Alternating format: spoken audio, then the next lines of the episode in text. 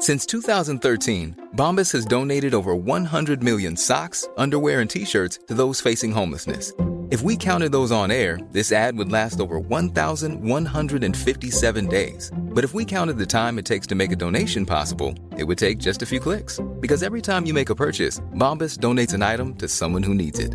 Go to bombas.com slash ACAST and use code ACAST for 20% off your first purchase. That's bombas.com slash ACAST, code ACAST. Hey, it's Ryan Reynolds, and I'm here with Keith, co star of my upcoming film, If, only in theaters, May 17th. Do you want to tell people the big news? All right, I'll do it. Sign up now and you'll get unlimited for $15 a month in six months of Paramount Plus Essential Plan on us. Mintmobile.com slash switch. Upfront payment of $45 equivalent to $15 per month. Unlimited over 40 gigabytes per month. Face lower speeds. Videos at 480p. Active Mint customers by 531.24 get six months of Paramount Plus Essential Plan. Auto renews after six months. Offer ends May 31st, 2024. Separate Paramount Plus registration required. Terms and conditions apply if rated PG.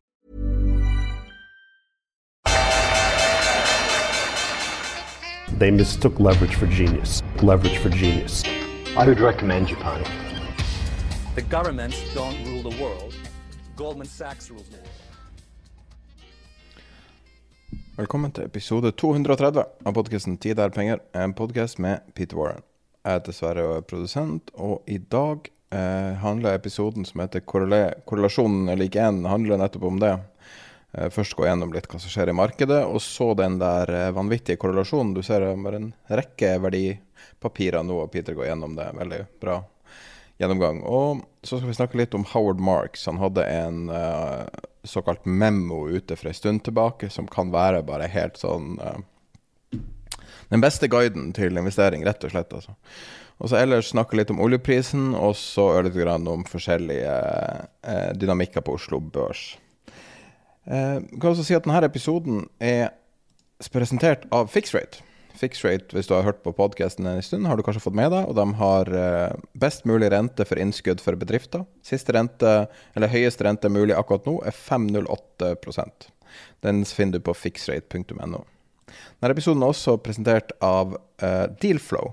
Dealflow er en markedsplass for tidligfasebedrifter. Totalt har de hatt 750 millioner investert i 113 forskjellige kampanjer og 12 i, i annonsemarkedet. Akkurat nå er det åtte prosjekter som er i forskjellig grad av å komme inn i markedet, og én som foregår akkurat nå. Og denne episoden er sponsa av IG. Hvis du har hørt på podkasten siden dag én, bokstavelig talt dag én, så har du kanskje hørt IG før. De var sponsor i veldig høy prosentandel av uh, tida vi har holdt på med podkasten. Og uh, det har, som er mulig med IG, er å uttrykke handler som kanskje har litt mer komplisert eh, sammensetning enn en, en, å kjøpe en aksje, f.eks. Så hvis du har lyst til å gå long eller short enkeltaksjer, så kan du gjøre det. Like lett å gå long som short. Eh, hvis du har lyst til å investere i indekser, så er det masse indekser tilgjengelig. Eh, hvis du har lyst til å kjøpe valuta, så kan du det. Eh, du kan kjøpe nye bull- og bærprodukter de har. Det er jo veldig populært i Norge, og de har innført mange av dem. Du kan kjøpe diverse kryptovaluta, det går jo selvfølgelig døgnet rundt, og du slipper å gå via egne plattformer for det. Og du kan kjøpe råvarer og masse, masse annet. Det er så ufattelig mange produkter. Og hvis du vil se mer om eh, IG, så kan du gå på ig.com no. Og så er det veldig viktig å huske at uh, all trading er forbundet med risiko, og du kan absolutt tape alt. Men da går vi i gang med episoden. Ja, skal vi begynne å fortsette samtalen om uh, hvorfor Norge ikke har råvarebørs, og hvorfor man ikke har en uh, referanse på naturgass i Norge, eller skal vi snakke om det møtet du var på? Nei, vi kan, vi kan begynne med, med, med, det, men jeg tror at Altså hvis man skal hvis man skal lytte til de som da har, har drevet dette altså du, du har jo uh, og, og, da tenker jeg de som sto bak uh, bl.a. Imarex, altså den fraktbørsen. For så vidt Nordpol er også blitt, solgt ut av, um, av, av Norge i, i, den forstand. Men Bak en karbontrading også?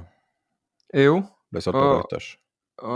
men i, der var man jo helt tydelig på at at hvis man, hvis dette skulle, altså hvis man skulle hatt den eh, Finanstilsynet eh, Dette skulle vært startet under altså Hvis det, det, da var lagt under Finanstilsynet, så hadde de aldri kommet i gang.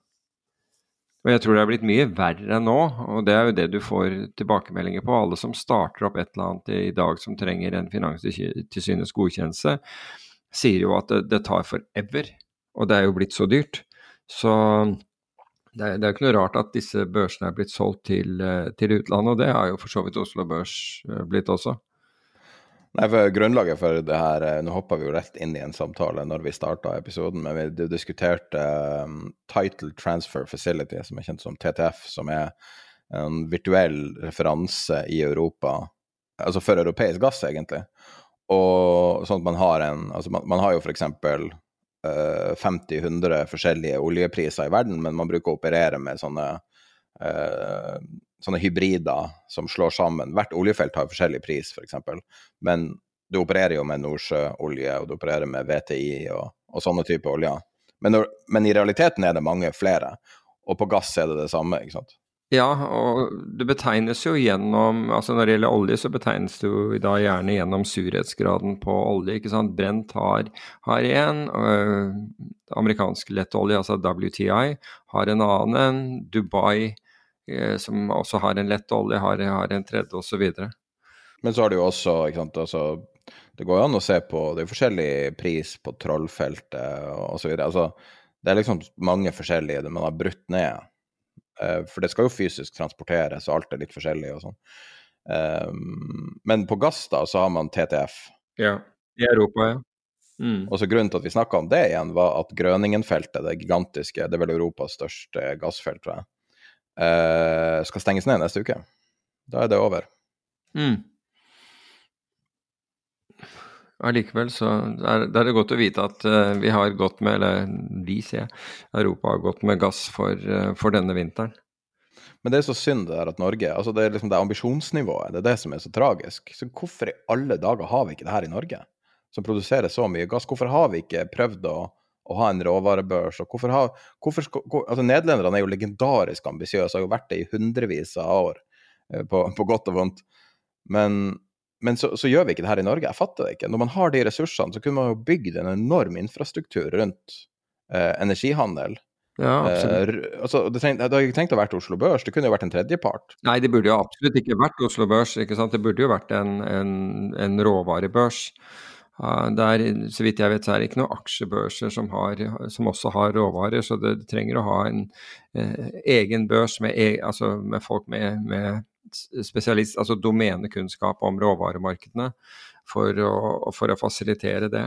Men jeg, jeg, vet ikke hvorfor ikke dette er så aktuelt, men no, Norge er jo blitt et land av hvor uh, hvor eh, det er mellommannsfunksjon, og det er for så vidt en børs men det er liksom megler og den type funksjonen som, eh, som dyrkes frem. Det er risikotaking er Altså tidligere så var jo norske banker var noen av de største bankene, og, da tenker jeg på eh, DNB og DNC som de het før.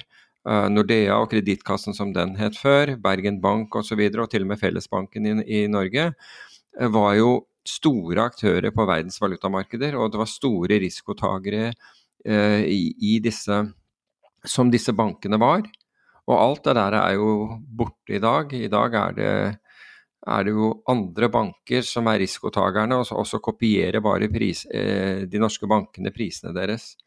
Altså, det, og dette skjer elektronisk, ikke sant. Så hvis en, hvis en utenlandsk bank er eh, f.eks. i dollar norske er eh, 10,75 til 10,75,50 eh, i pris på kjøper og selger norske, på, på, dollar norske, så vil da de, de norske bankene være, være 10,70 kjøper og, og 10,76 eller 10,77 selger eller noe sånt noe. Altså, ja, altså de, ja der, de bare legger seg der, og så tar de ikke noe risiko, og så gjøres det elektronisk. Så hvis du klikker da på, på bankens selgekurs slik at du kjøper dollar, og nå snakker jeg ikke om at du kjøper for, for uh, reiseutgiftene dine, men hvis du la oss si du skal ha en million dollar eller to-tre millioner dollar eller noe sånt, for du er en bedrift som, som trenger det, så kjøper da den Altså idet du klikker på, på bankens selgekurs, så kjøper da den banken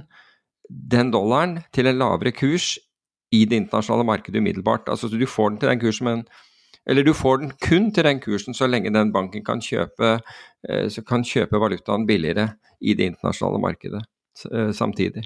Jeg skjønner ikke, man har liksom verdens beste fotballspiller hvis du måler på Fifa-rankingen. Altså, da mener jeg rankingen på, på det Fifa-spillet, eller hva det er, EA24. Så det er verdens beste fotballspiller som er norsk. Eh, litt avhengig av hvordan du regner på det, kanskje verdens beste golfspiller. Eh, du har eh kanskje mest ressurser, i hvert fall målt i per capita, som er gitt av, av himmelen til Norge. Altså Norge er ganske god på mange ting, men men man tar liksom, man tar ikke posisjon. For her kunne jo man virkelig ha tatt posisjon. Det her burde jo vært Hvorfor, hvorfor ble ikke det her gjort? Altså, du har oljefondet, ja greit, men hva gjør oljefondet? Det investerer passivt i masse bedrifter i utlandet som vi egentlig ikke har sett noe igjen med annet enn pengene.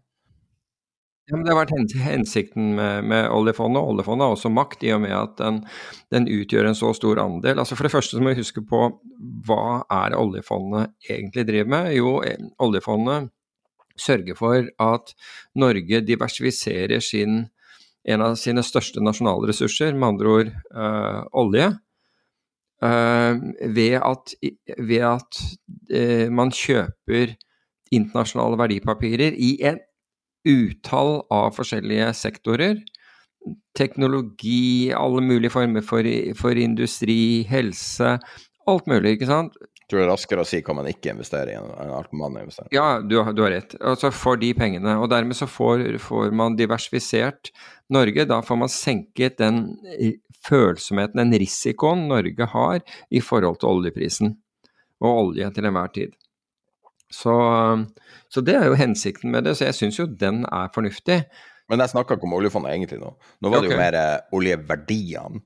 Altså, mm. Her kunne man jo ha tatt kontrollen mye mer og styrt ting mye mer.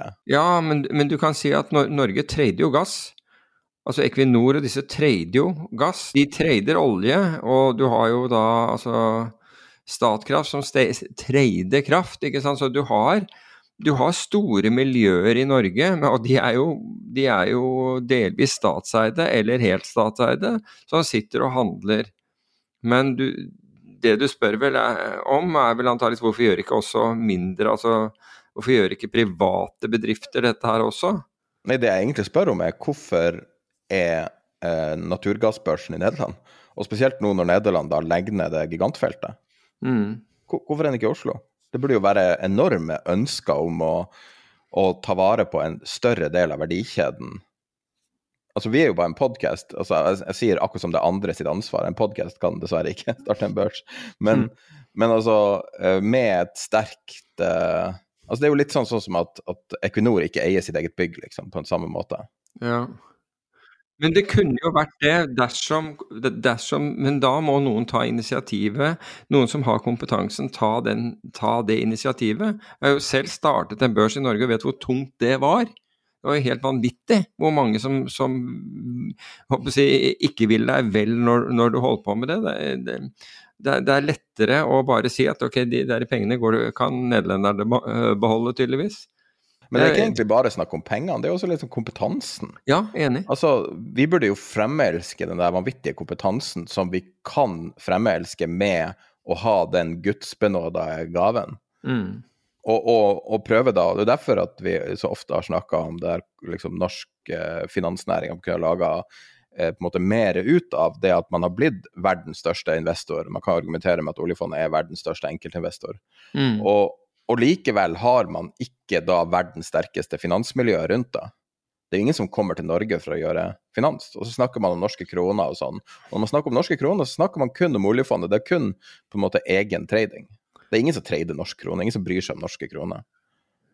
Ja, Hva tenker du ingen som bryr seg? Mener du her? Internasjonalt, liksom. Internasjonalt? Nei, altså det er jo et biprodukt av å, å eventuelt investere i Norge, eller i norske selskaper. Og, og det biproduktet kan av og til være, være, en positiv ting. Men det er klart at det har jo ikke vært det i og med at uh, dollaren har falt så mye, altså 25 mot, mot uh, Unnskyld, uh, norske kroner har falt 25% mot, mot, mot, dollar på et par år. altså Det er jo klart at det er, det er ikke bra. Det er ikke bra for, for tilliten til å investere i Norge. Så Norge må jo faktisk anstrenge seg litt. Altså Hvis du investerer i eurosonen, så vet du at du har euroen, og den er jo grei, og den er, det er en stor valuta. Men norske kroner er en veldig liten valuta, og, og det er kanskje det du er inne på. altså Få, få egentlig bryr seg. Men de bryr seg når, når, det betyr en tilleggsrisiko i forhold til å investere i Norge. Og den har jo blitt da en betydelig tilleggsrisiko i Norge. Og så krangler dere så busta fyker på hva som er årsaken til det. Men det er klart at for meg er det ganske tydelig at, at brå politiske skift, som bl.a. skatter utgjør Jeg sier ikke at, ikke skal, at vi ikke skal uh, skattlegge ting, men når, når, det kommer altså sånn over natt, så blir man skremt. Da blir investorer skremt. Men det som virkelig hadde løst det her, da, hadde nettopp vært hvis man var viktigere på næringslivet. Hvis du hadde stimulert til handel av kroner, hvis man hadde åpna en, en, norsk eh, naturgassbørs, så ville du ha stimulert til masse handel i kroner fordi at den ville ligge i Norge. Og det ville ha forandra dynamikken til kroner. Hvis du, hvis du, hadde notert det i, i kroner, det er forutsatt det. Ja, og, og, og, du kan si enkelte råvarer får jo gjerne en en, en, valuta som det noteres i. Og, og for dollaren, eh, unnskyld, for, for, olje så er det US-dollar.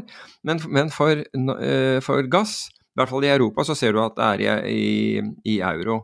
Uh, og det er det folk bruker som, som, referansen. I USA så bruker de jo dollar på, på, på sin egen natgas, men, men, uh, men, i Europa så, så, er det euro vi, vi noterer i. Og det samme gjelder jo gjelder jo kraft også. ikke sant? Kraftprisen, strømprisen, den er jo for, for Norges del er jo blitt euro fordi vi driver og, og, og, eksporterer såpass mye av den.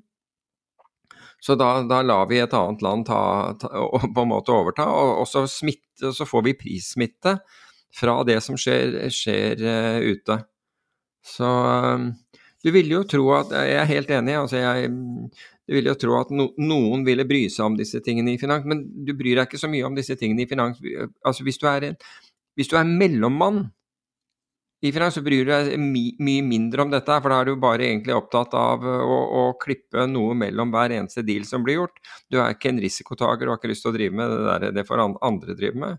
Og Norge er blitt en sånn Hvis du ser bort fra gründere som da innenfor oppdrett og innenfor alle mulige næringer tar risiko fordi de, eh, eh, fordi de har en drøm og ser en mulighet, så er det jo stadig færre som egentlig har den drømmen og ser den muligheten, rett og slett fordi eh, de betingelsene man har, kan plutselig forverre seg og rett og slett gjøre at hvis du risikerer sparepengene dine du, du, på å investere i noe, så i neste øyeblikk så kommer det en annen vanvittig skatteskjerpelse av det, eller en skatt som legges på det, så er jo hele grunnlaget kanskje for det du eh, ønsket å drive med, blir borte.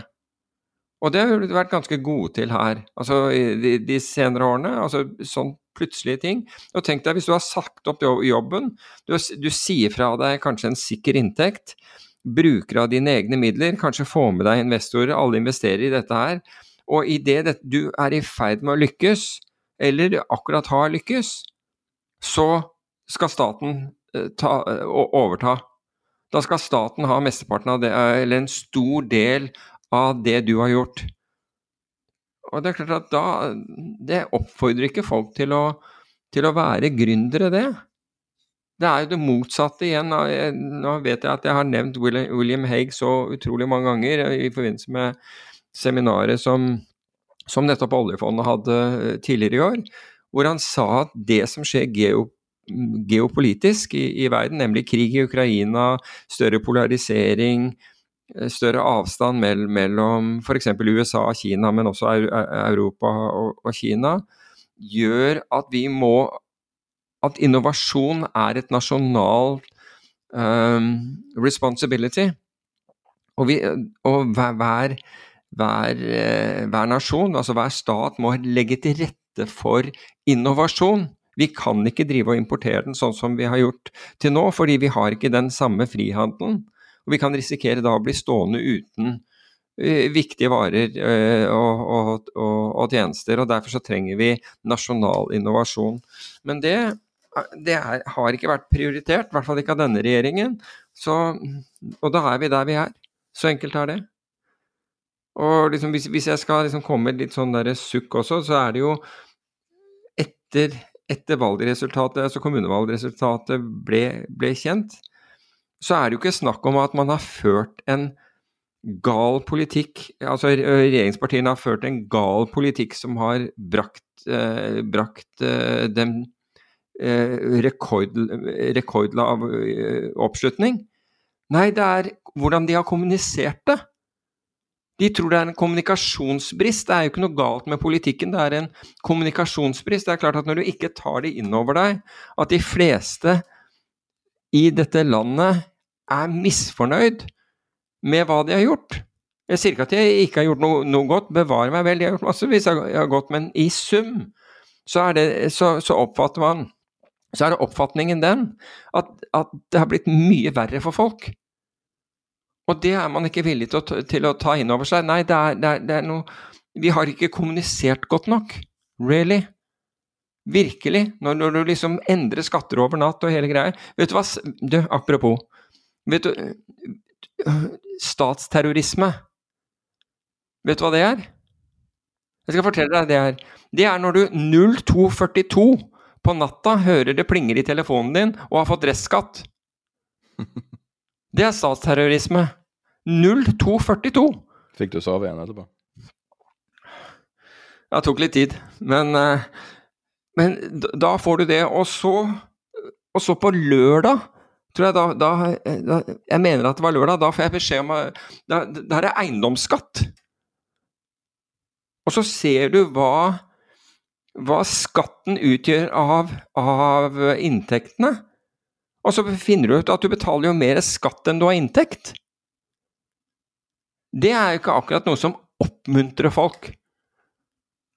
Så, og så sier man nei, det er et kommunikasjonsproblem vi har. Politikken vår står fast. Det er godt å vite. Men, men. Det er kanskje ikke dit du vil, men uh... oh, ja, Nei, jeg vil ingen Jeg hadde bare lyst til å snakke om uh, at det er kult med innovasjon og kult med å gjøre nye ting og store prosjekter. Og når vi går inn i basically en lavkonjunktur nå, så er det jo den perfekte tidspunkt å satse på nye ting. Ja, bygg, en, bygg en gassbørs.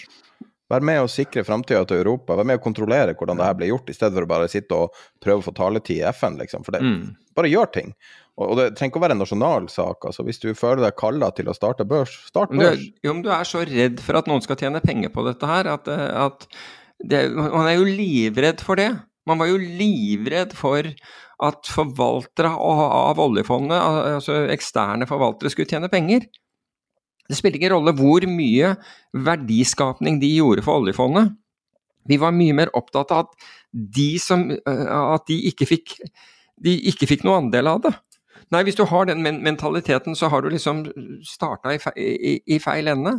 Men du var inne på et eller annet i, i, begynnelsen, og da må jeg bare gripe fatt i at jeg Jeg må jo si at jeg er ekstremt imponert over hvor mange nordmenn som jobber for altså, som, som man ofte ikke har hørt om, som har viktige jobber i forskjellige finansinstitusjoner internasjonalt. Så den, hvor mye kompetanse nordmenn har fått, og hvor mye bredere den er altså øh, nå enn f.eks. For, for, ti år siden. Det har skjedd noe virkelig på det. Altså, du, altså vi, vi, har jo snakket med, med, med folk i store hedgefond, sånn som Anduran og nå uh, hos Clean Energy. Begge, der sitter nordmenn der også, med, med solid, solid bakgrunn. Jeg kommer Rett før podkasten så kom jeg fra en presentasjon som Sector eh, Asset Management hadde. og Sector har, har jo holdt på i, i, veldig mange år i, i, Norge. Og der har du to stykker. Riktignok den ene er engelsk, men, men, eh, men hovedforvalteren, eh, Lars Grotmol, er, er, da norsk.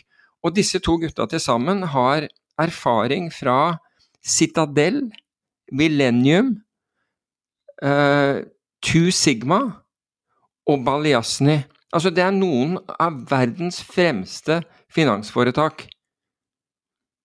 Og dette her, altså Så vi har Det er mye flinke folk og, som er villige til å se ting på en, annen, på en helt annen måte. Da, da, jeg kom tilbake til Norge på 80-tallet, da var alt fokusert om en, kun en long only aksjeverden. Det var det eneste som, som spilte noen rolle.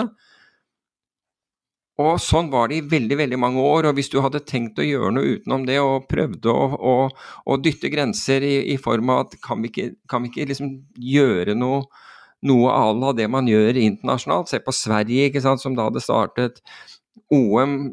Fantastisk suksess, ble en av verdens største opsjonsbørser osv. Hvorfor ikke Norge?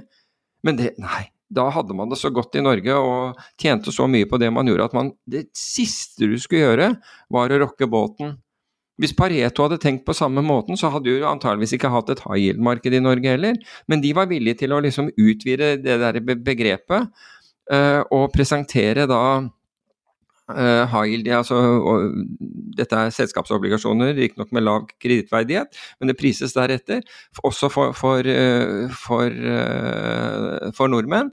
Men samtidig sørge for at norske selskaper som, som var eh, som utstedte obligasjoner, kunne nå det internasjonale markedet.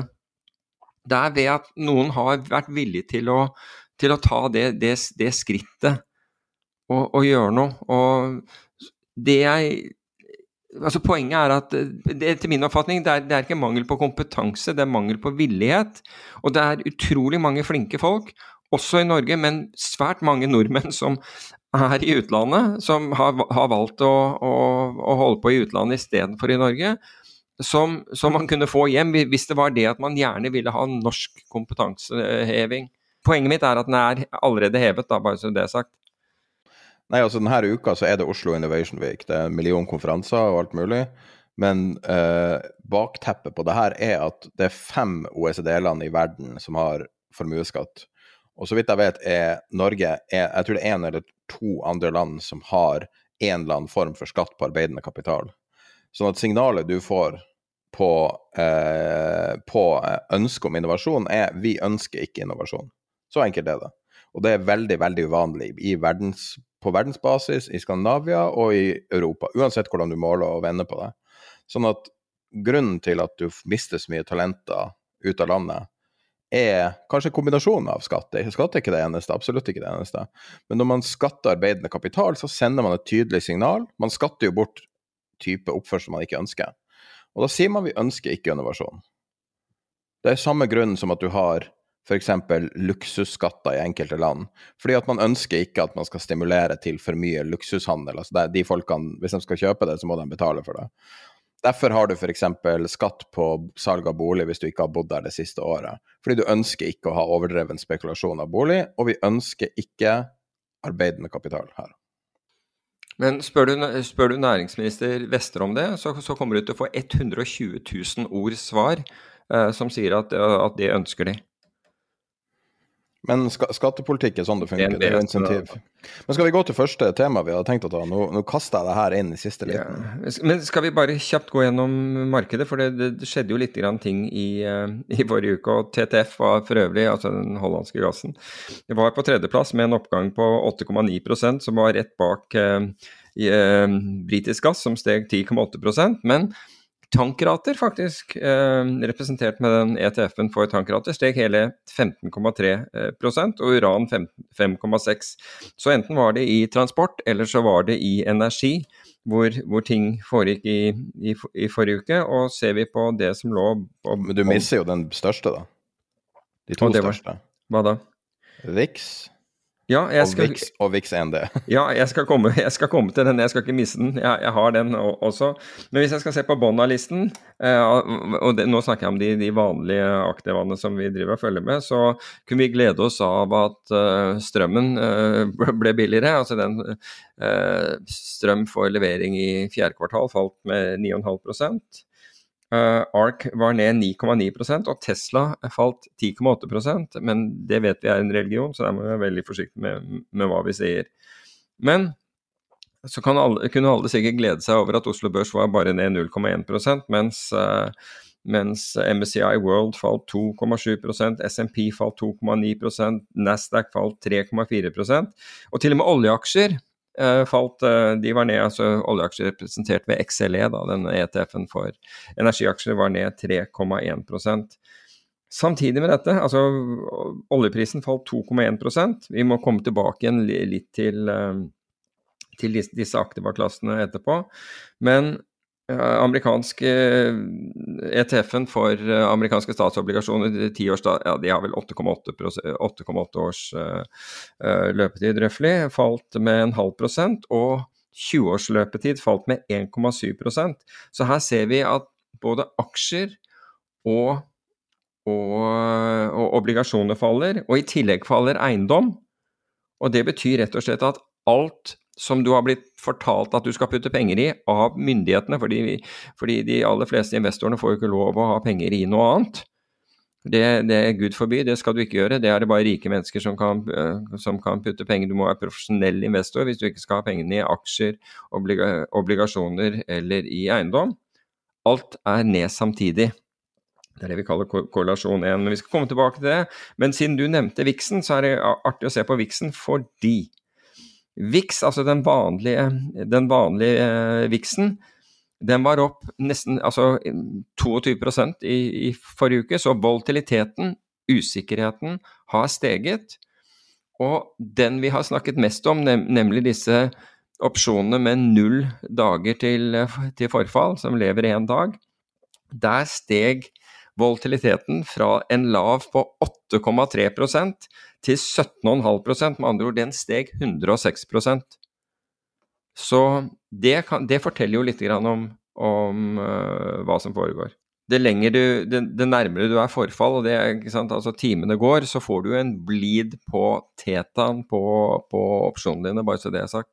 Men det er klart at når du har sånne viktige ting som FOMC, det som forbauset meg med det, altså FOMC er da den amerikanske sentralbankens uh, renteavgjørelse, som vi fikk i, i, i forrige uke, uh, hvor de, uh, de holdt renten, renten, uendret. Både de og Bank of England, men ikke, ikke Bank of Norway. De klinte til med 25 basispunkter til. Men poenget er at når, når du ser jeg var forbauset, og det sa jeg også til deg. altså til, på, på, begynnelsen av den FOMC-dagen så forsto jeg ikke hvorfor Vix, den eh, nulldagersviksen var så lav. Men du så at det, det, nærmere vi kom til tidspunktet hvor det skulle offentliggjøres, det mer steg den. Så den var helt merkelig. Det, det var nesten absurd å, å se at markedet Forventningene var jo at, man, at, de ikke skulle heve renten, men du vet jo ikke hva Powell kunne finne på å si i pressekonferansen som da startet noen timer senere, den var eh, halv ni vår, vår, vår tid. Um, og det var tydelig at plutselig så kom frykten inn. altså Mange hadde da utstedt disse opsjonene som de sikkert gjør hver eneste dag. Og så får man noia etter hvert som det nærmer seg, eh, fordi prisen stiger og de du, du, må da dekke deg inn eller gjøre noe. Så, og ganske riktig, den steg da betydelig den, den dagen. Men artig å se. Absolutt. Den steg fredagen også. Da var jo alle de mm. makroeventene tatt ut. Det er sant. Starta veldig lavt, steg gjennom hele dagen. Så det er noe med den her dynamikken med null DTE altså, som, eh, som, er noe nytt. Jeg er ikke helt sikker på hva det er for noe, men eh, jeg er litt sånn bekymra for hvordan det vil se ut på ekstreme dager. Ja. Det har vi fortsatt ikke sett. Nei, vi har ikke hatt ordentlig ekstreme dager, men nå har vi i hvert fall hatt uh, solid uh, Altså solid og solid. Nå har du liksom vippet over på, på veldig mange indekser. Russell-indeksen har gått til nedsiden, Nasdaq har gått, gått til nedsiden. Og det er ikke så rart, men det som For å gå tilbake til der vi, der vi nettopp var, altså den derre korrelasjon 1 Husk på at hvis du går tilbake igjen Hvis du går 20 år tilbake så har du hatt en diversifiseringseffekt ved å, være, ved å ha en portefølje bestående av aksjer og obligasjoner.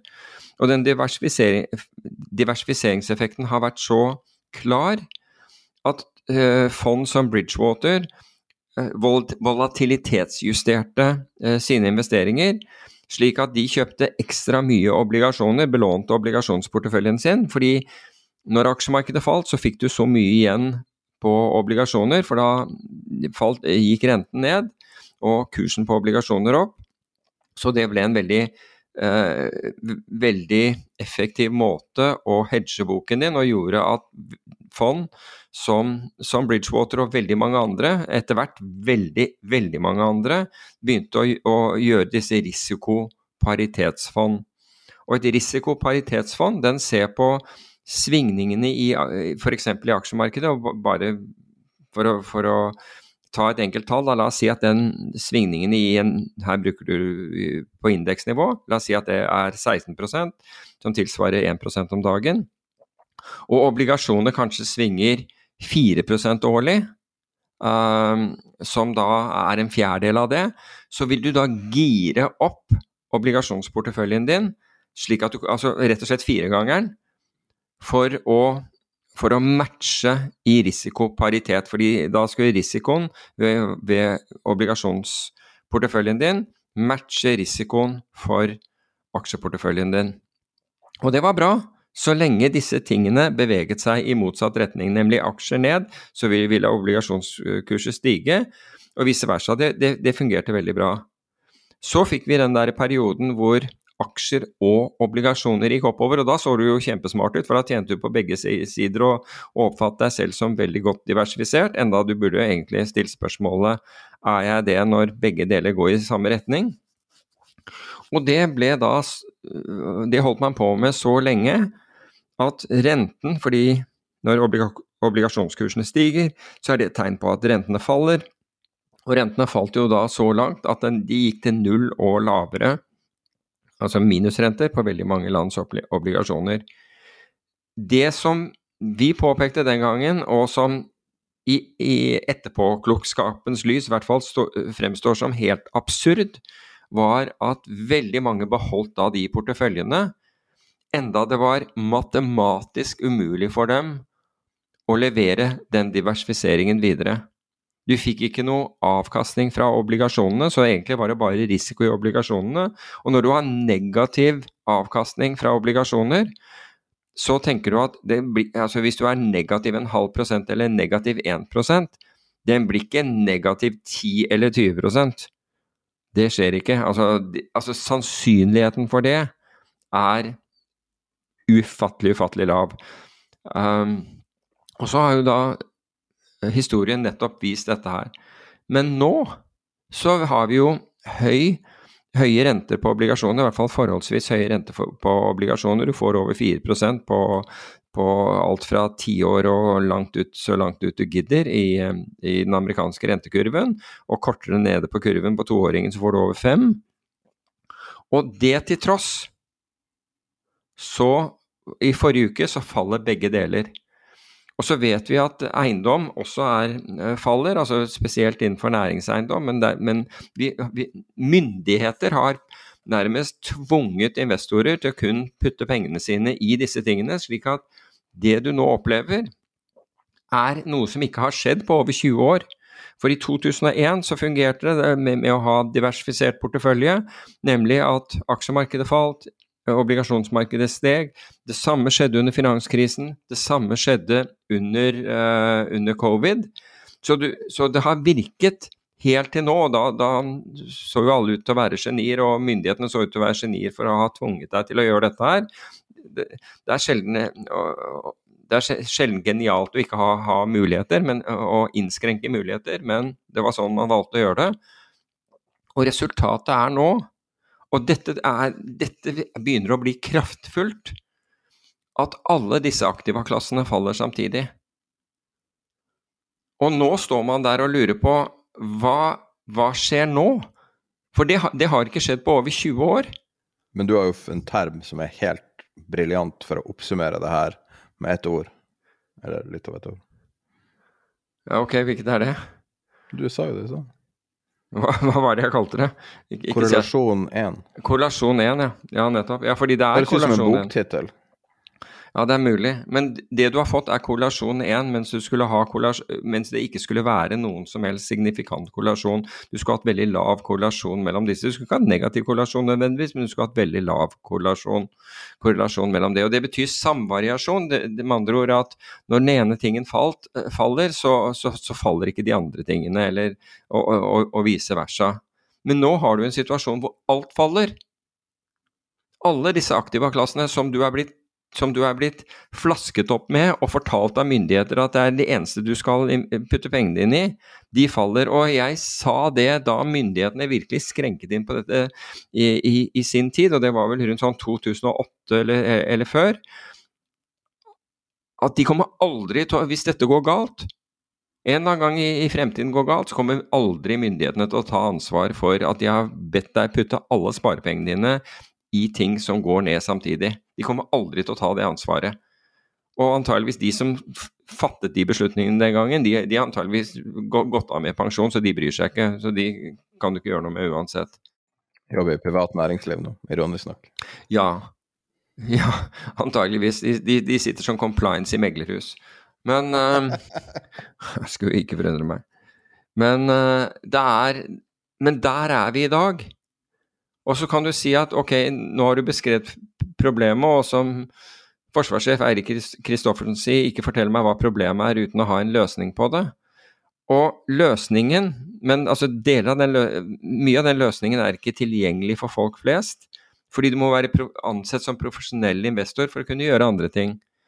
Men noe av det er Og den For det første så trenger du altså I en sånn situasjon, det ene som kan hjelpe deg i en sånn situasjon, er egentlig at du har en god, aktiv forvalter. Og hvorfor jeg, hvorfor jeg, legger trykk på god, er fordi de aller fleste er ikke gode, og de aller fleste klarer ikke å holde tritt med indeksen engang. Uh, så de er ikke gode. altså Det er akkurat som Det kan ikke være sånn at 80% eller 85% av sjåfører er bedre enn gjennomsnittet. Sorry.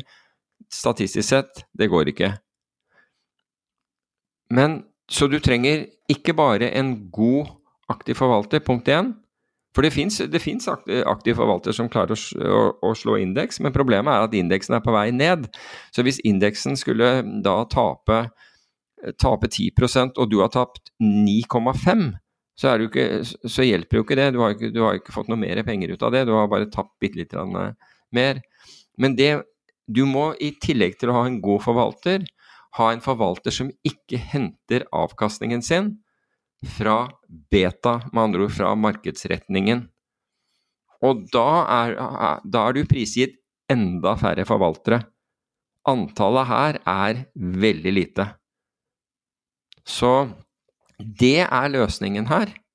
Men du må da etter all sannsynlighet være, være, kunne eh, klassifiseres som en profesjonell investor for å, kunne, for å kunne, utnytte dette her. Hvis det ikke så skal altså det ære være det, det må gjerne være en, en aktiv long only-forvalter, men da, kan, da, må, da må verdien, altså avkastningen denne, denne henter, være uavhengig av retningen på markedet. Så den meravkastningen som skapes, og, og ære være de som, som, klarer det, den da hentes fra at man, eh, selskapene som det investeres i, er så gode at de ikke går ned med markedet, hvis markedet går ned.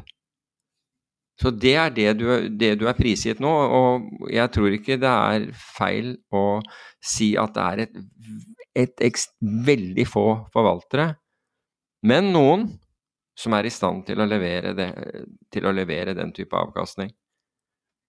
Så der er vi i dag. Korrelasjon 1 ruler akkurat i, i øyeblikket. Og hva er, hva er, det, som egentlig skjer? Vi må jo se på det bakenforliggende her, fordi har det, hvordan har det seg at renten på eh, lange renter, altså det vi kaller obligasjonsrenter, renter da Altså sentralbanken styrer de veldig, veldig korte rentene. Men de lange rentene styrer ikke sentralbanker, med mindre de eh, setter i gang tiltak som kvantitative lettelser og, og, og, og, andre, og yield curve-kontroll osv. Så, videre. så hva skjedde i forrige uke? Jo, det som skjedde da, var jo at lange obligasjoner, altså 10 år, 20 år, 30 år osv., de stiger mens, mens eh, til tross for at sentralbanken Nå snakker jeg om USA, men jeg kunne gjerne tatt Europa og, og, eller, og, og Storbritannia. Mens de korte rentene, de som styres av sentralbanken, står stille. Så den amerikanske sentralbank gjorde ingenting med renten i, i, i, forrige uke. Det til tross så steg de lange rentene. Så det er ikke de som setter opp, det er, det er markedet som bestemmer.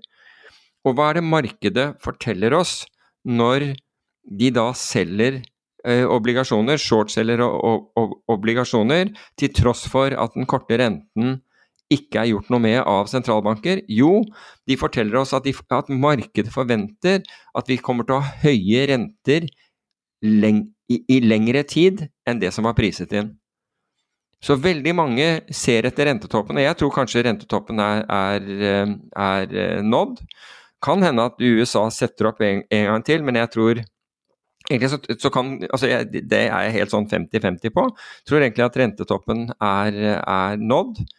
Fordi det som skjer altså Det er akkurat det samme som når man satte ned renten. Man, man holder på for lenge.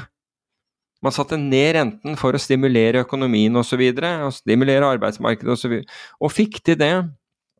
Og, men man holdt de øh, øh, lave for lenge. Mens man, og til tross for at man så at inflasjonen begynte å stige, så kalte man det det er bare forbigående, man hadde ikke noe tillit til det. Og så holder man det for lenge, og så blir det et problem. Det er akkurat det samme skjer når rentene går opp, nemlig at du pusher det, du holder det for lenge, så, fordi virkningen kommer ikke umiddelbart. Det, og Det var derfor jeg var uenig, men det kan være at Norges Bank sitter på data, eller det gjør de helt sikkert, de sitter på data som ikke jeg ser. Men jeg, jeg, jeg syns det var at man burde ha avventet øh, øh, og ikke satt opp renten nå. altså Nå, nå i forrige uke. De burde ha avventet og, og latt det gå litt lengre tid for å se om, hvor, om og hvor mye dette biter inn i økonomien. For når det først biter inn i økonomien, hva er det vi ser det på? Jo, da ser vi det på konkurser og, og, og den type ting. Og da er, da er, det for sent. Da har allerede skaden skjedd for svært mange. Og da har det allerede begynt å gå utover arbeidsmarkedet. Det er ikke lett å snu disse tingene igjen. Og Det er derfor jeg mener at man har ikke noe bråhast med å sette opp renten her. Det er bedre å se det litt an og la det virke, for vi har satt opp renten raskere enn, enn, det har vært gjort på 20 år. Og du må da regne med at når du setter opp renten så brått og så brutalt som du har gjort Jeg sier ikke at det er feil, det, det man har gjort. Jeg bare sier at, at, du må la dette få lov å virke, for det tar litt tid før, før cashreservene, bankkontiene til folk, dreneres. Og det, de husker på at, det, at man, man, sier dette med oljeprisen, det er inflatorisk. Ja, at, at, oljeprisen stiger er for så vidt inflatorisk, men på toppen av oljeprisen, og for, for Norges del, vi, har, vi, har, vi betaler det er vel bare ett eller to land, ett som jeg vet om, som, hvor bensinen koster mer enn den gjør i Norge. Og hvorfor? Jo, fordi det er statlige avgifter. Så det er ikke bare at oljeprisen stiger, men det er hvordan de statlige avgiftene beregnes oppå dette, og moms oppå der igjen.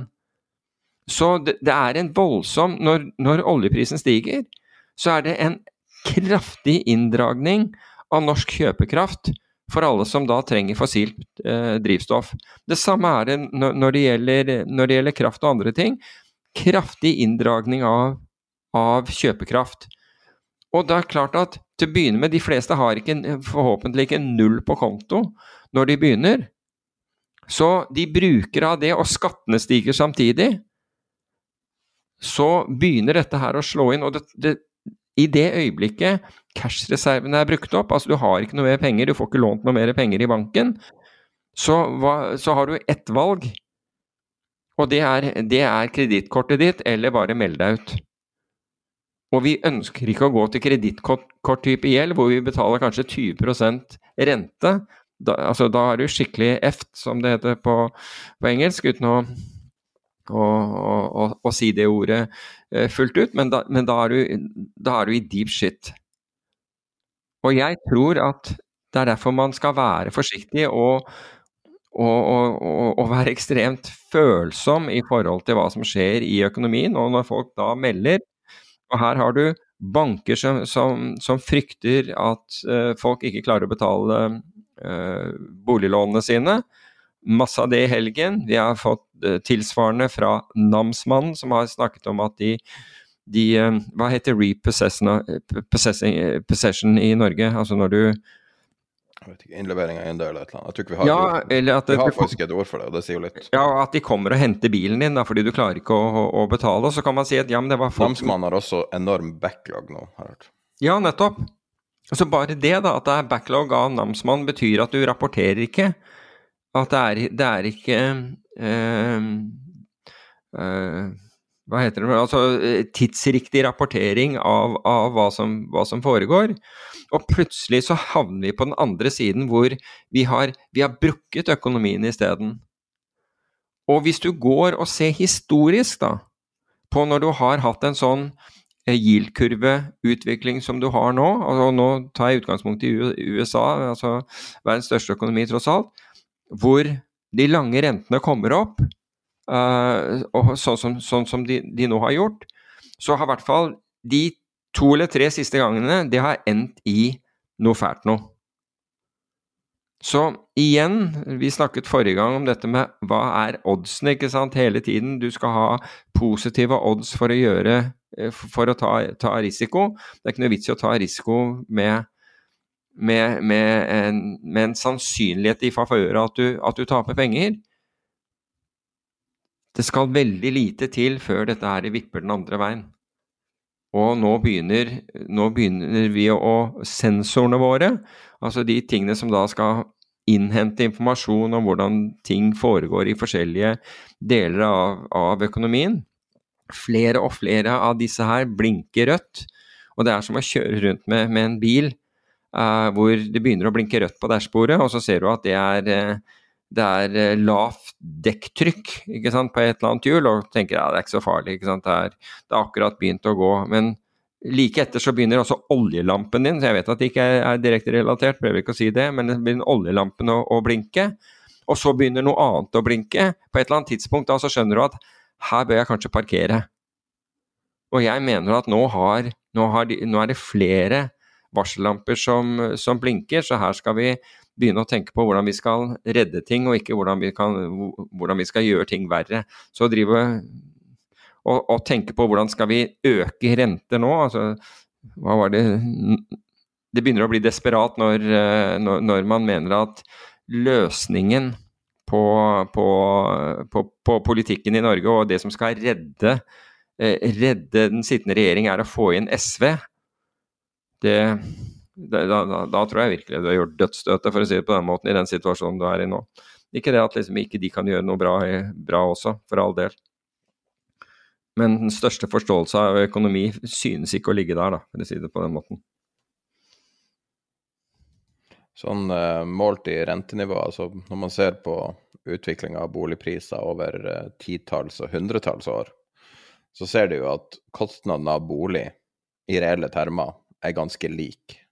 Det forandrer seg relativt lite. Prisen på penger forandrer seg mye, og så er det bitte litt sånn gradvis økning av underliggende prisstigning men ofte er det pris, altså prisen av penger som egentlig avgjør den nominelle prisen på, uh, på bolig, men ofte den, den, månedlige kostnaden du har for å bo, er stort sett den samme, eller Og hvis du sammenligner da 80-tallet, som var veldig forskjellig, der renta var så høy som 16% men da de kunne få var det 80% tilbake på skatten og, og sånn type ting på altså, eh, avskrivninger på renta. Så, sånn, realiteten var den jo mye lavere, fordi at du, du var en nullskattyter i praksis.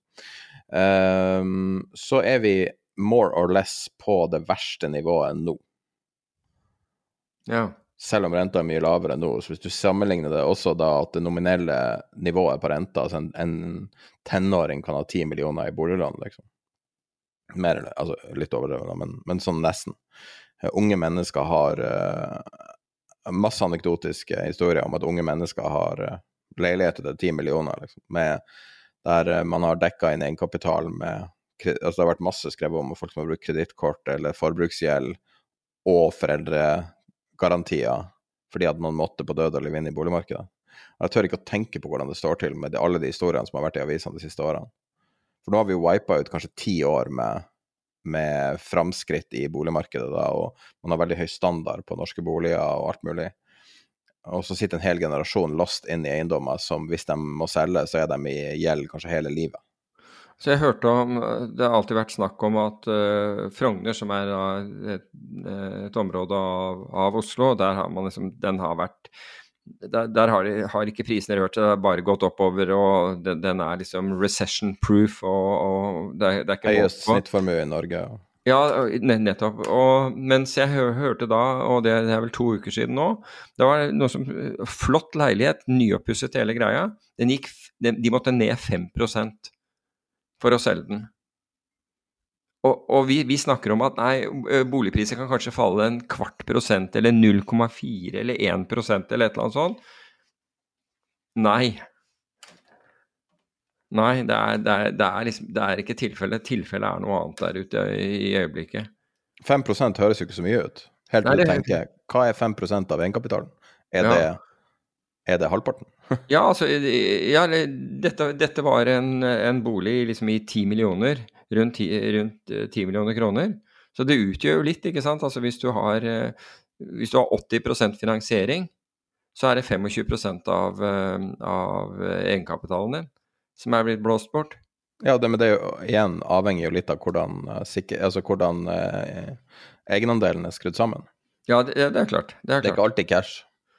Nei, det kan godt hende. Men, det, det kan godt hende. Men altså jeg sier at hvis du hadde 80 lån av den og, og, puttet inn to millioner selv, og så mister du, mister du 500, 500 000 ikke sant, av de, så, er det jo, ikke sant, så, så har du akkurat mistet 25% av egenkapitalen din. Men du har kvitta deg med en enorm risiko, i, kanskje i starten av en uh, ordentlig, ordentlig downturn. Hvis det bare er 5% ned, så er du fortsatt ganske heldig. Ja, det, ja, det, det, det kan du si, men, men her, dette her er området altså Vi så i avisene et annet sted hvor, hvor det fantes jo ikke bud i det hele tatt. Ingen var interessert. Klarte ikke. Det var noen som hadde blitt sittende med to boliger fordi de hadde, de hadde, de hadde kjøpt ny før de hadde solgt den andre. Og det var jo rett utenfor Oslo. Og det kom ikke det ene Det var ingenting. Men man har hele tiden, altså hvorfor jeg nevner dette tilfellet, er at man hele tiden har snakket om at, at det er, Frogner det er bankers. altså Det er som Fort Knox.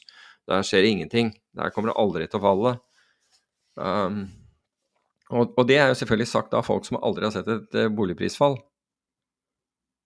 Så, så, så, enkelt er det. Men altså, poenget er at uh, Altså, poenget med, med, å nevne dette her er at er, jeg tror vi er på en, tip, en, tipping point nå hvor dette kan bli ordentlig ugly, og det har ikke blitt ordentlig ugly enda fordi det fortsatt fins noen som har noe, noe, penger på konto, eller har kunnet trekke opp på, på, på kredittkort osv. Og, så og du ser, altså jeg har sett noen sånne noen så, aviskommentarer eh, eh, hvor de spør folk om hvor mye penger de har på, har på konto. Og det er jo relativt sett, altså når du tenker på hvis noe går gærent, da, altså hvis du får ordentlig, skulle få store utgifter, og det kan du definitivt få på hus, og du kan sikkert få det på, på leiligheter også, så, så, er det ikke mye penger igjen, for å si det på den måten. Greia er at det er en risiko som jeg tror få, få, få ser, og så er man heldig, og det er at boligmarkedet er bra for, Ikke boligmarkedet, unnskyld. Uh, arbeidsmarkedet er, er, er sterkt. Så man, i, i, det minste har man jobb, men gud forby hvis man, uh, hvis man skulle miste jobben. Da, da ligger man virkelig dårlig an. Men det er heldigvis ikke noe som, i hvert fall ikke på kort sikt, tyder på det. da. Enda. Ja, enda jeg bare Altså, det, det, er en tanke jeg ikke engang har lyst til å tenke, fordi eh, da vil jo ting bli fælt in a hurry, altså. Så la oss håpe at ikke det skjer. Skal snakke om Howard Marks? Ja, hvorfor ikke? Så Howard Marks er en forvalter som um, En veldig sånn klar finanstenker. Kanskje på personlig vis. Det er en av dem jeg liker best å høre på. Han har veldig sånn klare ideer, han er lite bombastisk. Han er også ganske sjelden han snakker, og veldig mm. sjelden han kommer med, med sine spådommer for markedet. Og, fordi han har vært med lenge nok i gamet til å vite at hvem vet hva som skjer neste. Det er veldig vanskelig. Men han har en tendens til å ha rett når han treffer. Og, um, og han sier sjøl at han hadde rett noen få ganger. Så skrev han da en, um, sånn rapport som han publiserer i offentlighet. Han skrev den i uh, jeg tror det var to uker siden, og så la han det også ut som podkast. Og så kom han med en ytterligere podkast der han forklarte litt mer uh, hva han tenkte. Mm. Og den, uh, den, link til den, uh, den, det kalle det memo, link til det memoet kommer i nyhetsbrevet som sendes ut med denne podkasten. Og, um, og der står det blant annet Han har to ideer. Han sammenligner med tennis, blant annet, som er veldig sånn passende sammenligning med finans. Men det han fokuserer på da, er å eh, sørge for å ha færre tapere. Altså fokusere kanskje mer på å unngå tapere, unngå f.eks. å kjøpe gjeld til et selskap som går konkurs. Mm. Og også å forstå risiko. Altså at han er ikke interessert i å unngå risiko, men han er interessert i å ta den korrekte risikoen. Mm. Og den oppsummeringa der tror jeg er den beste finansoppsummeringa jeg har hørt. Og spesielt hvis du er vant til å se på CNBC, eller, eller er vant til å ta inn sånn type finansinnhold. Der har du det. Der har mm. du hvordan du blir rik. Hvis du hører på de rådene der, så tror jeg det det er nøkkelen. Ja, jeg, jeg Altså, én ting med Howard Marks er at han er så pedagogisk og, og, gjennom det lettforståelig. Og det er ikke sånn at du, du lurer på noe. Altså, det er ikke sånn at det er eh, altså, Vi kan av og til Det er stort sett meg, beklager, men altså, som da bruker begreper som jeg glemmer å forklare. Han, han gjør ikke det. Han, han, er utrolig behagelig å lytte til, og alle kan forstå hva, hva han mener om det. Og jeg, jeg synes, Jeg er enig i den eh, tennisanalogien var bra, men jeg syns den var enda bedre når han, når han fortalte om uh, om denne han, han, tar da med seg noen på, på, på, en restaurant. Jeg tror det var Financial Times eller noe sånt som hadde vært med ham på, på en restaurant. Jeg tror de intervjuet han i lurer på om det var i sommer.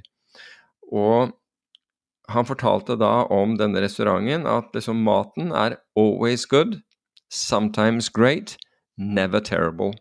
Og det var liksom måten Det var suksessen bak denne restauranten. Altså maten var alltid god, noen ganger ekstraordinært god, men den var aldri dårlig.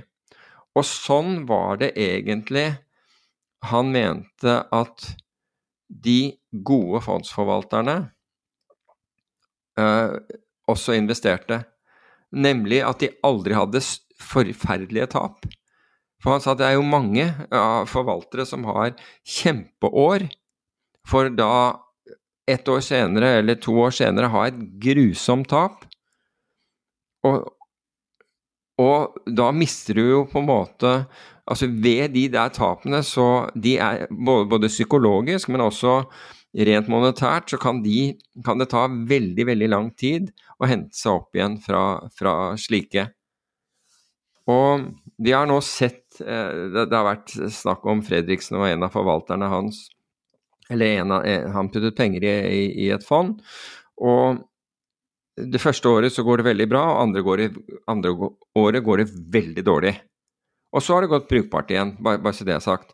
Så, sånn som jeg regner det, så, så er, er, pengene mer enn intakt. Altså, man har tjent penger, og, og, over tre år så har man tjent penger, men det var dette her fæle tapet i, i, um, i år, år, to. Og og, og, dermed så har, har Fredriksen brutt med dette og vil ha tilbake penger og alt med, og, og, og, den greia der. Og jeg aner ikke hva som er riktig eller galt i det, så, men jeg bare nevner det som et eksempel. Fordi man hadde a terrible year, da. Ikke sant? Altså, det var det Det skal never være terrible. Så blir alt Altså, så, så, så betyr det noe for Fredriksen.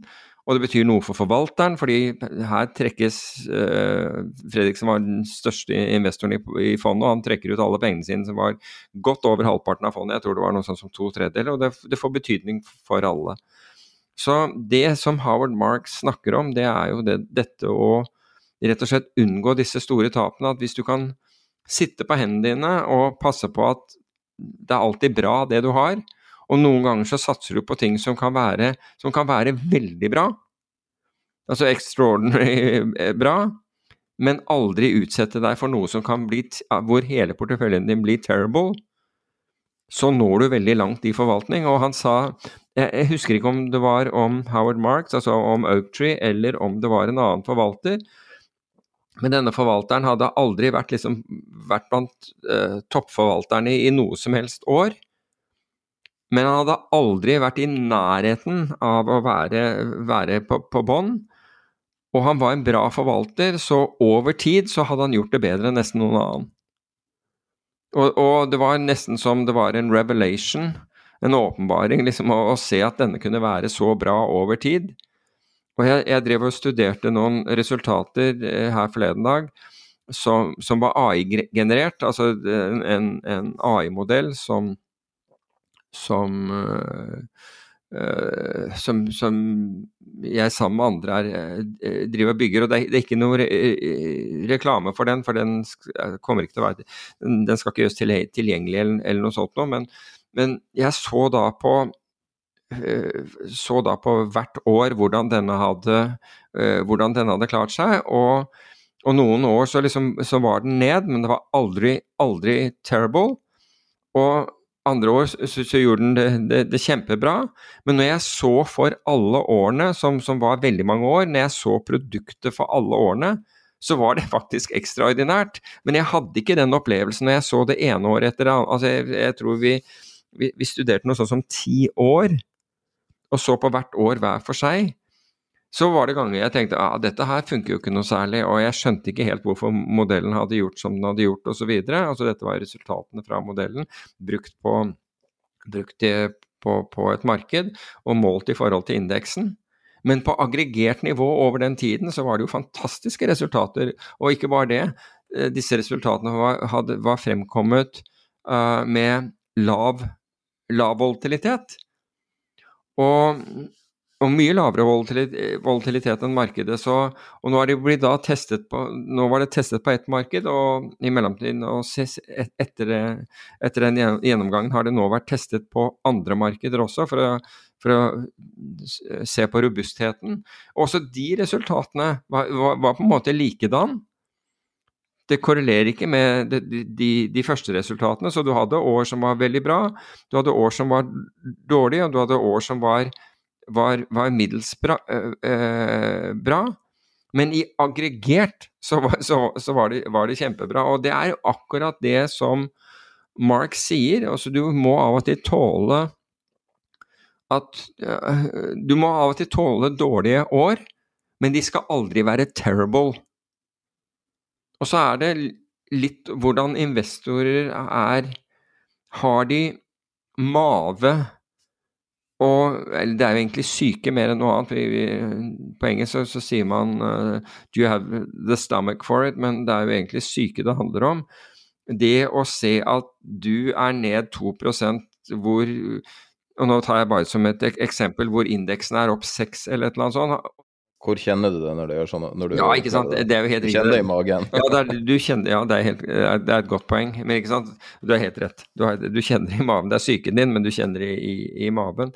Og så har du som investor tålmodigheten til, til å, og tilliten til å se gjennom det, og selvfølgelig med en diversifisert portefølje så, så blir det mye mindre altså da, da, har du kanskje et godt, godt år uansett, fordi den, den du I, I, enkelte ting så gjør du det veldig bra, og selv om du gjør det dårlig i andre, så, så blir resultatet stort, sett uh, greit. Men det er, jo, det er jo litt Altså, det slo meg at det er akkurat det som, som Marx er inne på i den, og du sa du, du, uh, du skulle legge ved linken, var det ikke det?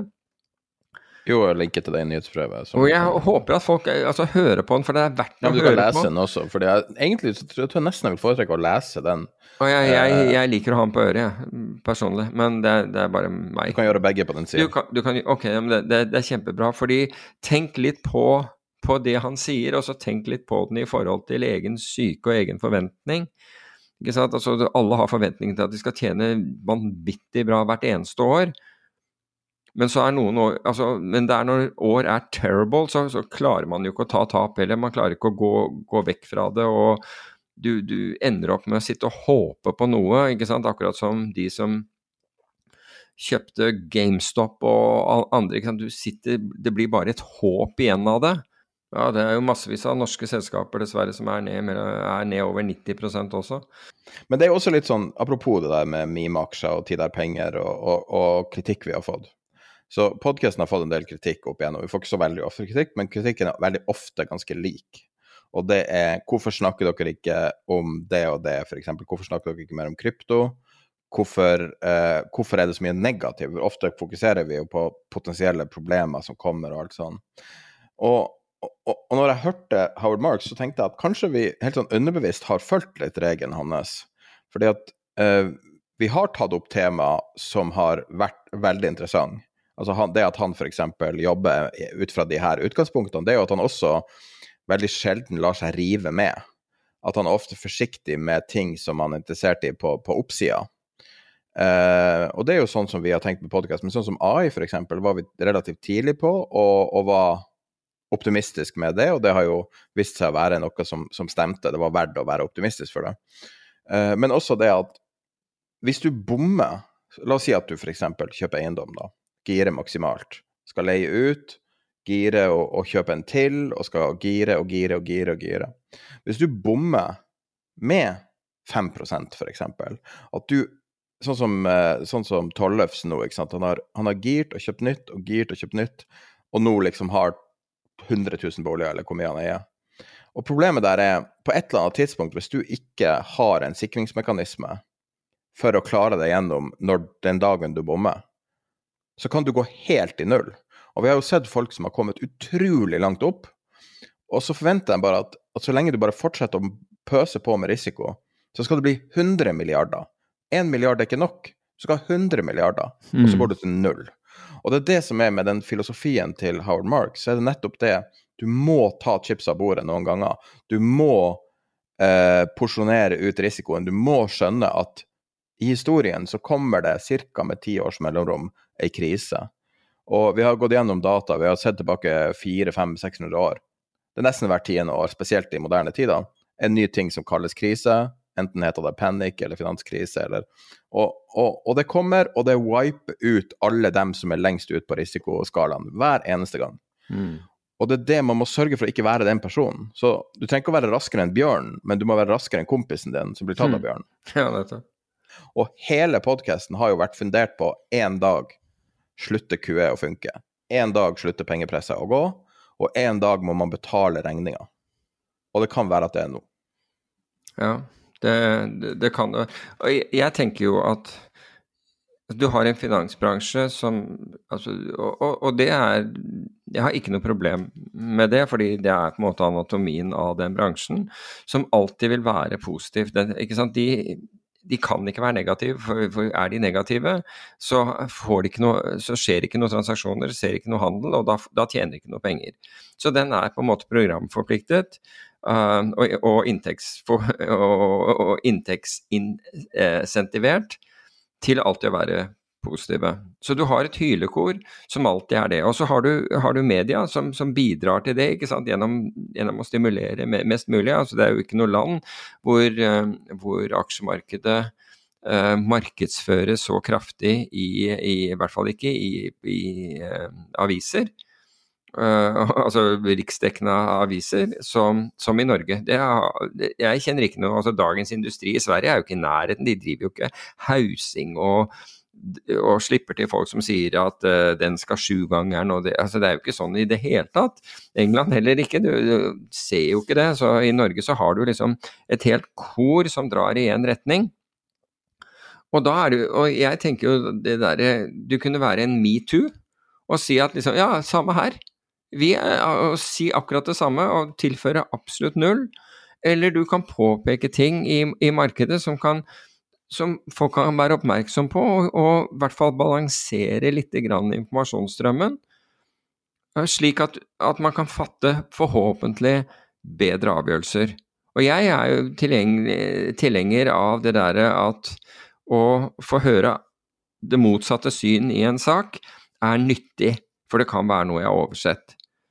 Så, så jeg, altså Av og til så, så altså Vi har jo våre ting som vi kan synes er veldig positivt, det, det er ikke det. Men det, jeg, jeg, ser ikke det som en samfunnsoppgave for oss å pushe, eh, pushe folk inn i risikofylte investeringer. Det er jo ikke noe samfunnsoppgave som, som vi skal ha og bidra til. Vi kan gjerne si at noe er, er, er bra, og, og, og, og, begrunne det, det, men det kan ikke være vårt grunnleggende oppdrag, er å, å, å forsøke å pushe ting. Og jeg, og jeg registrerer også det at det kan frustrere folk ekstremt. Ikke minst når det gjelder krypto, altså hvor, hvor gærent det Krypto er som, som, som, Tesla, det er en religion, og du skal være forsiktig å messe med en religion, men da vi hadde liksom reservasjoner rundt den, og spesielt rundt galskapen, når man fant opp disse, disse kryptovalutaene som var, som var, en spøk og ble til milliarder, og folk syntes, heiet dette frem og syntes det var kjempebra, noe som er opplagt galskap. Så Og vi påpeker det, og så, og så får du liksom bøtte med kjeft. Men det er greit. Altså, det er greit, tåler det. Men apropos når du sier det, når du sier det. Uh, på lørdag så la jeg ut det intervjuet vi gjorde med, med Knut Erik Eljarn. Som oh, ja. er marketmakeren på Jeg vet ikke om ja. du så det, jeg la det ut på feeden. Uh, som er Norges det, ja.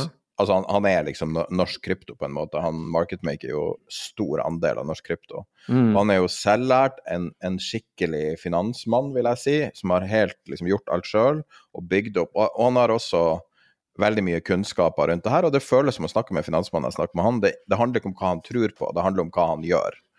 Og hvis du, vil, hvis du, er interessert i krypto, hvis du hater krypto, eller hvis du er likegyldig, alle tre burde gå tilbake. Så den episoden vi la ut før denne episoden, hvis du hører på den vanlige mm.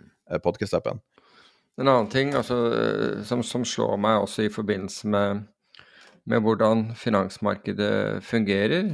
Altså, vi har jo vært over gjennomsnitt opptatt av olje, og spesielt da oljeprisen falt. og og vi, vi snakket om og de amerikanske strategiske lagrene var, var ekstremt lave osv. Så, videre. så så nevnte vi disse tingene fordi vi har tro på at det ville komme inn kjøpere av olje. Egentlig så Altså, jeg trodde jo virkelig at Biden-administrasjonen at, at presidenten ville bruke den fantastiske anledningen til å ta tak, altså kjøpe, inn, kjøpe olje mens det var billig, under 70 dollar, hvor de hadde sagt at de skulle gjøre det, og dermed låse inn, den, eh, låse inn en veldig billig pris.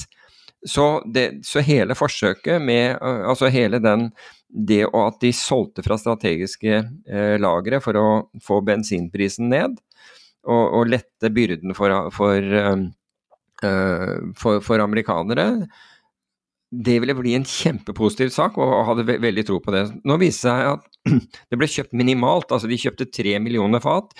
Og så snakket de, og så meldte de at du skulle kjøpe seks millioner fat, men da syntes de at oljeprisen var steget for mye, og resultatet er nå at du har fått en runaway opp på det. Men vi var positive til olje nettopp på basis av lav produksjon, kutt fra OPEC, kutt fra Russland, Uh, lave strategiske lagre, men også lave generelle oljelagre i USA. Hvis du ser på Cushing, så er, er, er, er det lavt nivå på, på, på, lagrene.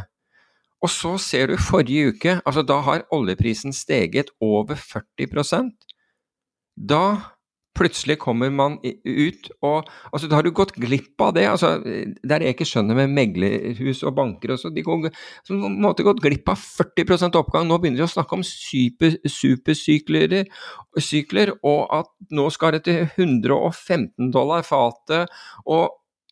altså, jeg, Du bare lurer på hvordan, er, hvordan foregår analyse i disse husene når, når dette her når det er billig, så skal ingen ha det. Men når det går oppover, da da skal de ha det. Den eneste svaret på det er jo momentum, ikke sant? At det er momentum bak dette her. Altså, ikke sant? Nå går det opp, og da hiver vi oss på. ikke sant? Momentum, som jeg har sagt mange ganger før, det er the even bigger fool theory, forklart med ett enkelt ord. Men det er liksom det man hiver seg på, og, og, og, og nå skal det videre. Og selvfølgelig, rett, hva skjer da? Jo, da begynner olje å korrigere ned. Det, altså, det er ikke mye, mye, korreksjon, men det blir den, der, den galskap-optimismen. Og hvis det er slik at du alltid skal bruke uh, bruke det som allerede har skjedd, det er det du skal inn på, da lurer jeg på hvor, altså, hvorfor gikk hvorfor, Jeg lurer på da om de samme har gått long Argentina, om de anbefaler det short Colombia eller Hongkong i øyeblikket. For den argentinske børsen er jo den som har gått best i år, den er opp 174% Og Colombia og Hongkong er vel ned røftlig 10% hver, så da det må jo være det opplagte å, å anbefale folk nå. Bull Argentina ganger ti. Ja, ikke sant. Bull Ja, nettopp. Et eller annet, så, et eller annet sånt. Det er jo Hvis det ikke er laga som, eh, som et eh, sertifikat, så tror jeg ikke folk er interessert. Nei, altså de, selv, Nei, fordi det, det, gir jo, det jo mellommannsapparatet enorme, enorme inntekter når de, når de, kan lage dette her inn til spesialsertifikater. Men, nei, men poenget mitt er at hvor var de under den 40% oppgangen? Og, det er mange, og greia er at det er mange flinke eh, analytikere, og jeg hørte var, jeg, jeg, lurer på om det var en Pareto-analytiker om Det tror jeg var om gassmarkedet. Jeg tenkte fanken, han her, eh, han her eh, var, var, var bra. Uh, i, i, forrige uke. Uh,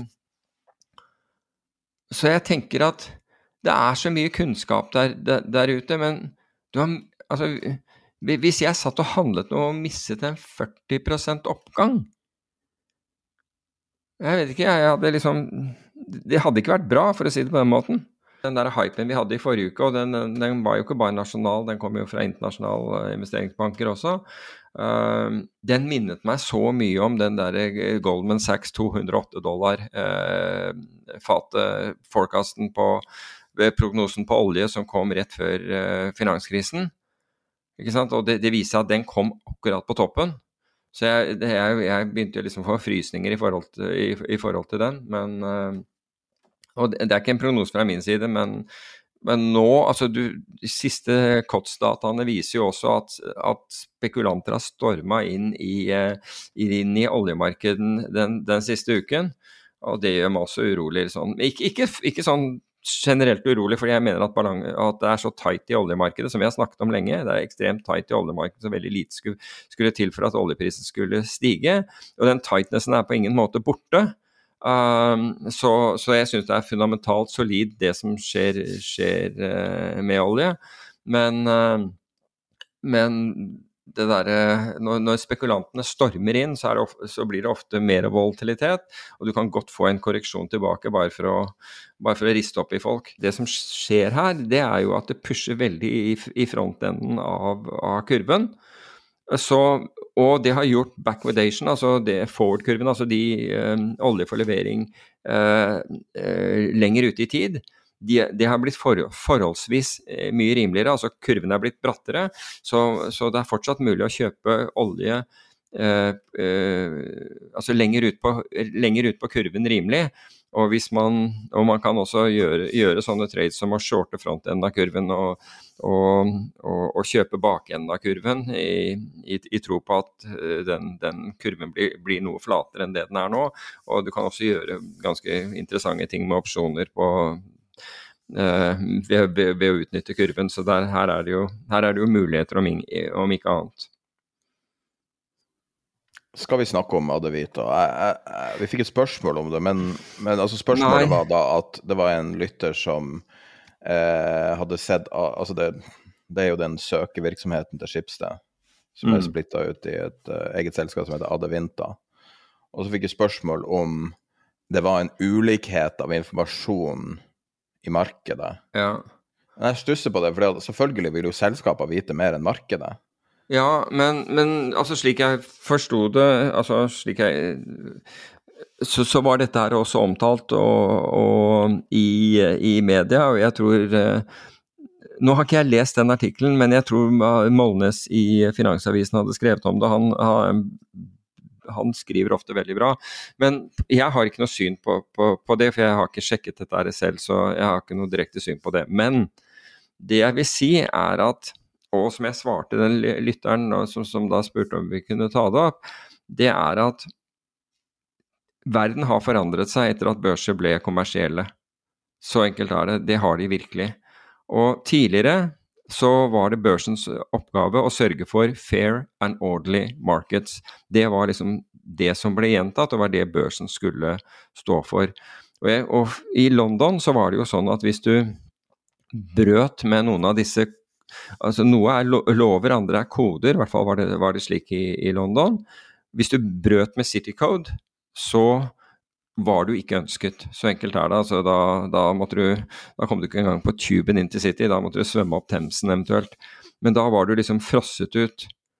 Men etter at børser ble kommersielle, og vi så uh, bl.a. Fra, fra New Yorks del, hvor de, hvor de lot uh, enkeltaktører få se ordreboken før markedet fikk se det. Altså, noen fikk da noen millisekunder eller no, til, til, å se hva som foregikk, før andre.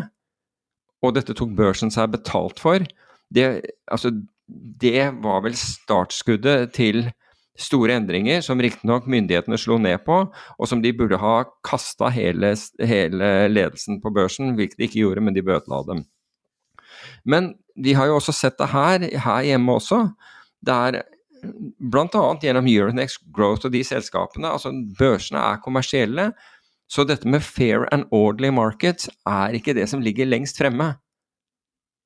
Og det vil si at hvem er det da hvem, hvem, hvem er det som da skal regulere dette? Jo, da, da er det neste, neste hakk uh, opp, og, og, det er Finanstilsynet. Og, og alle vet hva jeg, hva jeg mener om, om, deres evne til å gjøre dette. Men de sitter tross alt også et skritt lenger unna, eller et stort skritt lenger unna, kan vi si, slik at informasjonsflyten der vil ikke være like god som den gjør på børs.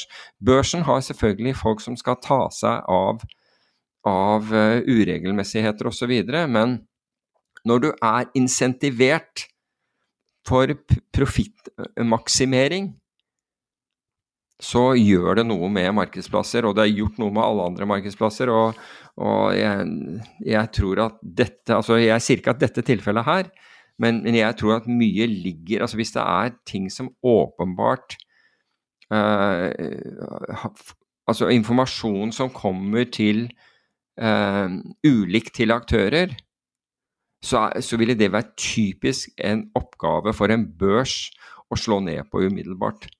Og hvis den ikke gjør det, så ville jeg jo sagt at altså enten i dette tilfellet, jeg vet ikke om det har skjedd eller ikke, bare så det er sagt, for jeg har ikke satt meg inn i det, men hvis en børs ikke gjør det, så gjør den ikke, gjør den ikke oppgaven sin.